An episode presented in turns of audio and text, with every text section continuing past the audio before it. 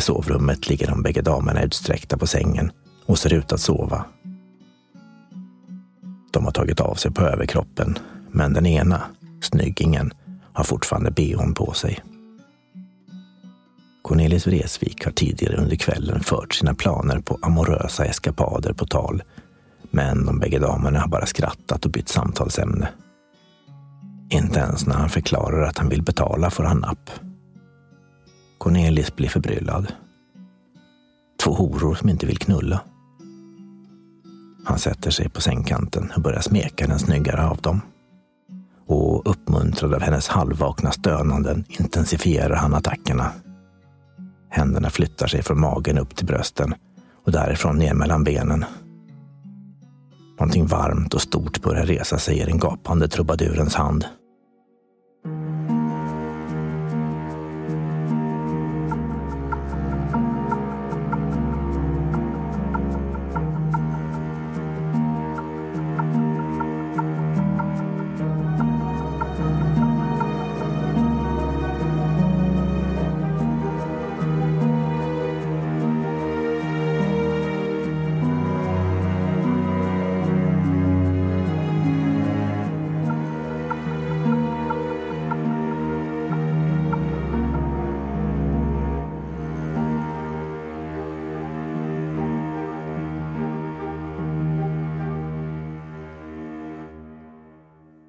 Varje tid har sina brott och varje brott har sin tid. På samma sätt har varje stad sina egenheter som även avspeglas i dess kriminella historia, även om brottslighet kan sägas vara universell. Den här podcasten kommer till mångt och mycket att handla om händelser som utspelade sig i Stockholm under 1950 och 60-talen. En tid som på många sätt var olik vår egen, men på andra nästan helt identisk. Det gamla Stockholm var på väg bort. Rivningshysterin skulle för alltid plåna ut de en gång gemytliga kvarteren. Som sedan de avsiktligt lämnats att förfalla skapat en misär det idag är svårt att föreställa sig mitt i centrum av Skandinaviens största stad. Samtidigt är människor väldigt lika. Vi är alla tillverkade av samma material.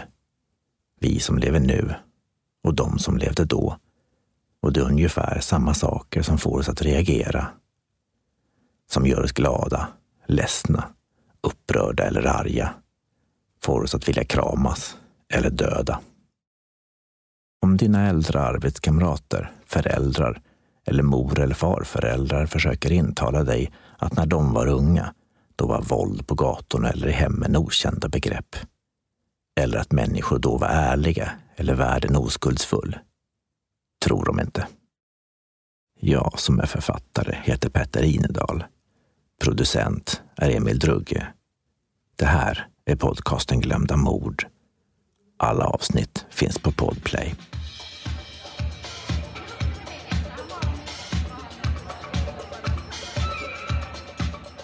Det är måndagskväll på numera nedlagda krogen Stockholmsbörsen.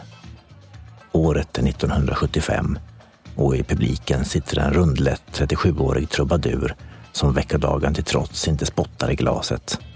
En sak han väldigt sällan gör för övrigt. Klockan närmar sig halv två på natten och måndagen har alltså redan hunnit bli tisdag. Men för Cornelis Vreeswijk har kvällen bara börjat.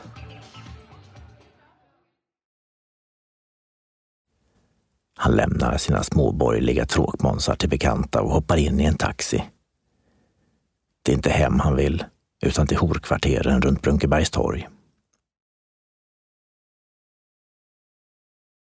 Efter en stunds planlöst kryssande får han slutligen napp på Regeringsgatan. Två kvinnor med uppenbart yrke vinkar till förbipasserande bilar och Cornelis vinkar tillbaka. Februarinatten är mörk, men i gatlyktornas gula sken studerar han sitt byte. Den ene av de två nattfjärilarna är en riktig snygging. Hennes kamrat en smula grovt byggd, men ingenting som inte kan botas med någon eller båda av de flaskor vin han har i sina kavajfickor. Bettan, titta, det är Cornelis! ropar snyggingen till sin kamrat och till trubadurens belåtenhet tar de bägge plats i taxin. Färden går till Norrtullsgatan 28 där Cornelis Vreeswijk hyr en lägenhet i andra hand av den Cornelis beundrande musikanten Björn Arab.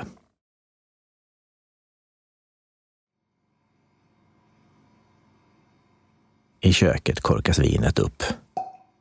Och de bägge damerna har dessutom med sig en flaska brännvin för att göra stämningen ännu bättre. Det enda groggvirke som finns är avslagen soda. Men klockan två på natten, ett stenkast från stadens slut, kan man inte vara så fin i kanten. De pratar och sjunger. Cornelis Vreeswijk tar fram en gitarr och det hela liknar inte så lite det bohemiska konstnärsliv Stockholms dåtida trendkretsar desperat försöker efterapa. Vi hade det jättemysigt, skulle en av damerna berätta vid den efterföljande rättegången. Visserligen störs allsången då och då av Bettans mörka och raspiga röst, men som sagt, en försvarlig dos alkohol är en utmärkt metod att få även en grövsta pipa att låta spröd. Framåt morgonkvisten börjar Bettan gäspa och frågar försynt om det möjligen skulle gå att få sova över. Cornelis lyser upp. Visst är det okej okay att hon sover över. De är faktiskt mycket välkomna att låna hans säng, båda två. En uppmaning som de trötta damerna också begagnar sig av.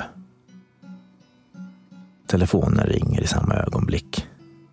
Det är Nils Gustafsson en av de vänner Cornelis tidigare lämnat på Stockholmsbörsen. Och Cornelis bubblar över av upphetsning och förväntan. Jag har två damer här, viskar han konspiratoriskt. Kom hit! Nils Gustafsson slänger sig i en taxi. Men Cornelis Vreeswijk kan inte längre vänta. Han sliter av sig kläderna men ersätter dem efter en stunds tvekan med en gul morgonrock. I sovrummet ligger de bägge damerna utsträckta på sängen och ser ut att sova. De har tagit av sig på överkroppen, men den ena, snyggingen, har fortfarande bhn på sig. Cornelis Vreeswijk har tidigare under kvällen fört sina planer på amorösa eskapader på tal, men de bägge damerna har bara skrattat och bytt samtalsämne. Inte ens när han förklarar att han vill betala får han napp. Cornelis blir förbryllad. Två horor som inte vill knulla. Han sätter sig på sängkanten och börjar smeka den snyggare av dem.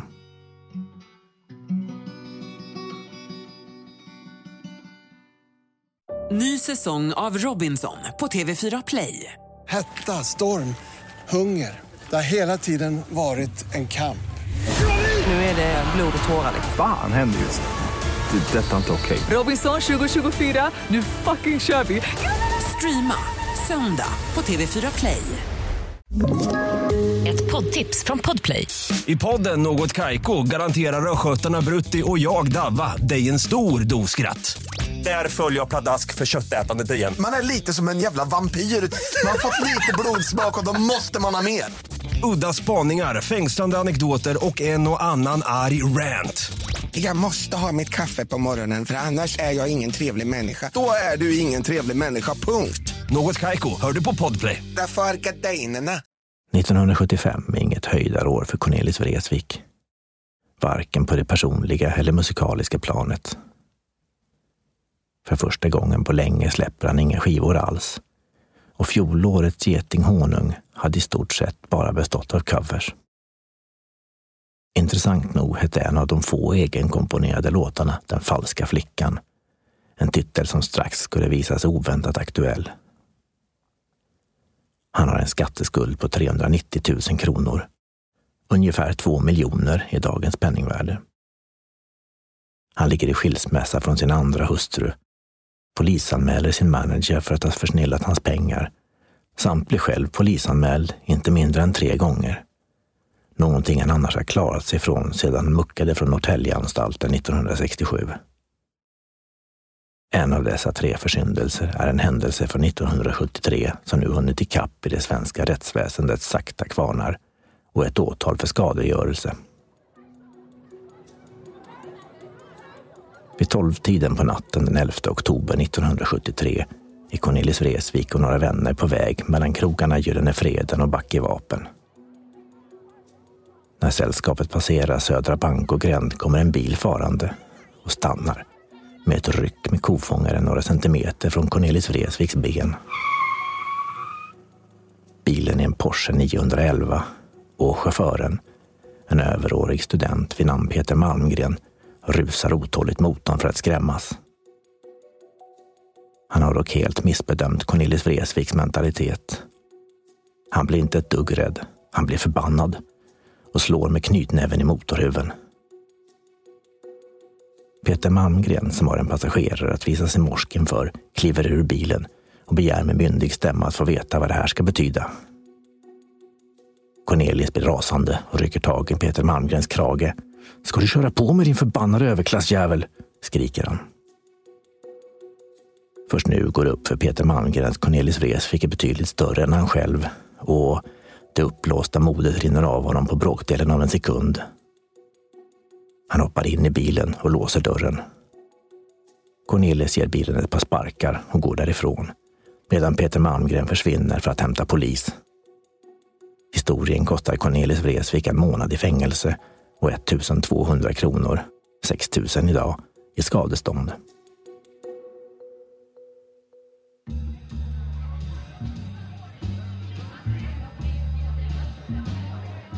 Ytterligare en gång trasslade det till sig för den hetlevrade holländaren. Söndagen den 27 juli 1975 är det fullt av folk på Latona på Västerlånggatan 79. En krog som ännu finns kvar, men idag heter Mårten Trotzig. Vid ett stort bord längst in i lokalen sitter bland andra trubadurerna Sid Jansson, Lars Göransson och Evert Ljusberg. 1970-talet var en tid av politisk intolerans. Våld, hat och kommunism var inte bara accepterat utan även omhuldat bland tidens så kallade elit. Även Cornelis Vreeswijk hade gjort en kort sejour som medlem i VPK, det största av de dåtida svenska kommunistpartierna, men haft en smula svårt att rätta in sig i ledet i sällskapet i fråga, varför han lika snabbt hoppade av och därmed blev officiellt hatobjekt för sina tidigare partikamrater. En av dem som hetskast angripit Cornelis Vreeswijk var den numera bortglömde författaren Arvid Rundberg. Och slumpen ville att han just den här sommarkvällen skulle infinna sig på Latona. Samma slump som även såg till att Cornelis Vreeswijk och flickvännen Pia var där.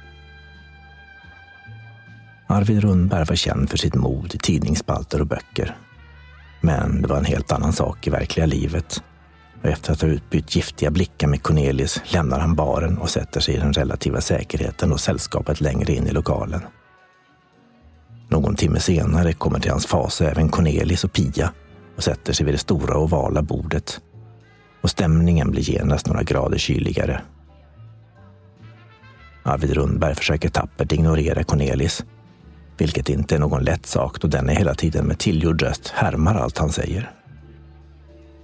Rundbergs politiska lektion får en ännu mer komisk anstrykning när Cornelis Vreeswijk byter taktik och efter varje mening frågar Vad heter det på ryska då? Styrkt av några stadiga groggar tappar Arvid Rundberg slutligen humöret. Du ska hålla käften du din feta fan som går in och ut i VPK bara för att komma i Veckorevyn, skriker han. Fel taktik visade sig. Cornelis Vreeswijk reser sig från bordet och lyfter upp stolen han sitter på, liksom för att kasta den i huvudet på den plötsligt bleka Arvid Rundberg. Evert Ljusberg och hans fru går emellan och lyckas ta tillhygget av Cornelis, som istället rycker till sig en tom Ramlösa flaska och trycker upp den i ansiktet på Arvid Rundberg. Du ska passa dig, ryter Cornelis Vreeswijk till sin vid det här laget vettskrämda antagonist sedan släpper han flaskan och knyter handen. Allting går blixtsnabbt. Det lät smack, smack, smack, berättar Sid Jansson vid rättegången. Cornelis Vreeswijk har gett Arvid Rundberg tre snabba knytnävsslag i ansiktet så att näsblodet forsar över hans vita skjorta. Latona blir ett getingbo när personal och upprörda gäster springer hit och dit. Endast Cornelis Vreeswijk är lugn han går fram till baren och beställer en drink, vilket han otroligt nog serveras. Efterspelet blir desto tråkigare. Fängelse i två månader och skadestånd på 1040 kronor, över 5000 idag. Revolutionären Rundberg hävdar vid rättegången att slaget på näsan gjort honom sängliggande i flera dagar samt att han inte kunnat arbeta på två veckor därför att han befunnit sig i chocktillstånd. 1975 skulle alltså komma att bli ett händelserikt år för Cornelis Vreeswijk. Men det är troligen få av dessa händelser som i hans egna ögon kunde mäta sig med historien om de två hororna i sängen på Norrtullsgatan 28. Försiktigt börjar han smeka den snyggare av dem. Och uppmuntrad av hennes halvvakna stönanden intensifierar han attackerna. Händerna flyttar sig från magen upp till brösten och därifrån ner mellan benen. Någonting varmt och stort börjar resa sig i den gapande trubadurens hand.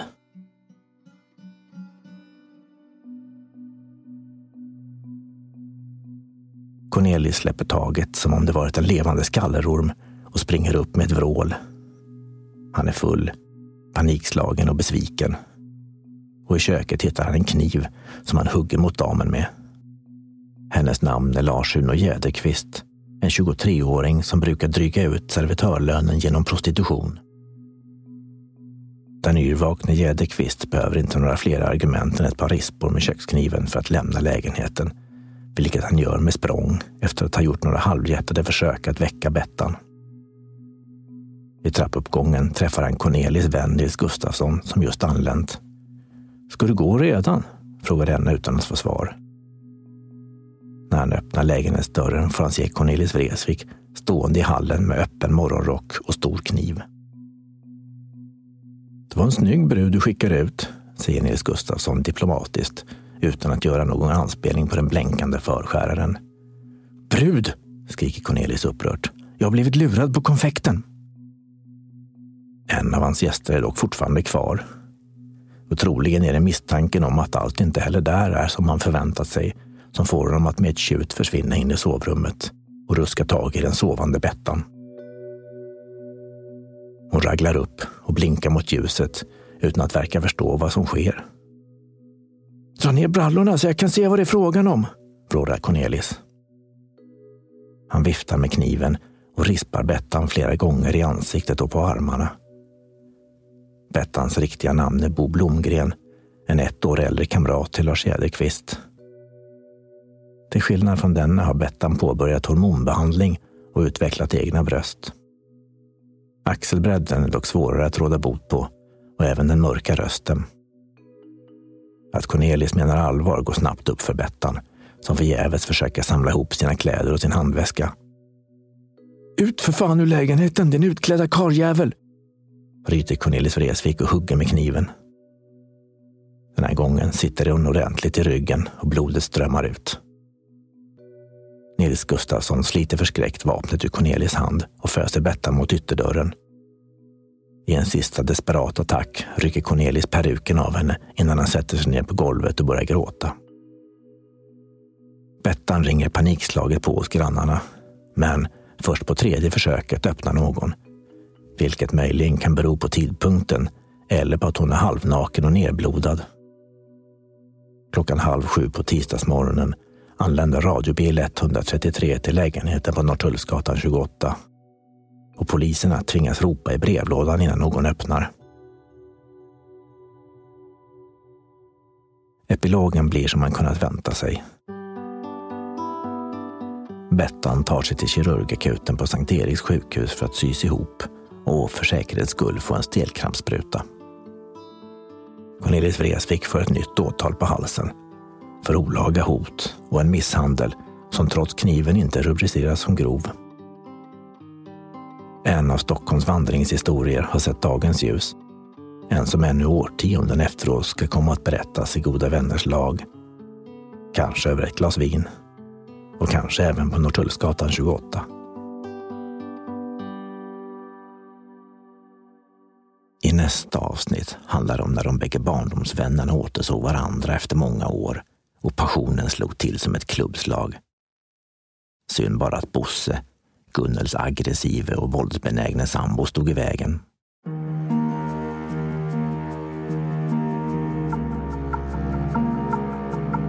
Du har lyssnat till podcasten Glömda mord. Jag som berättar heter Petter Inedal Producent Emil Drugge. Allt det här har hänt på riktigt.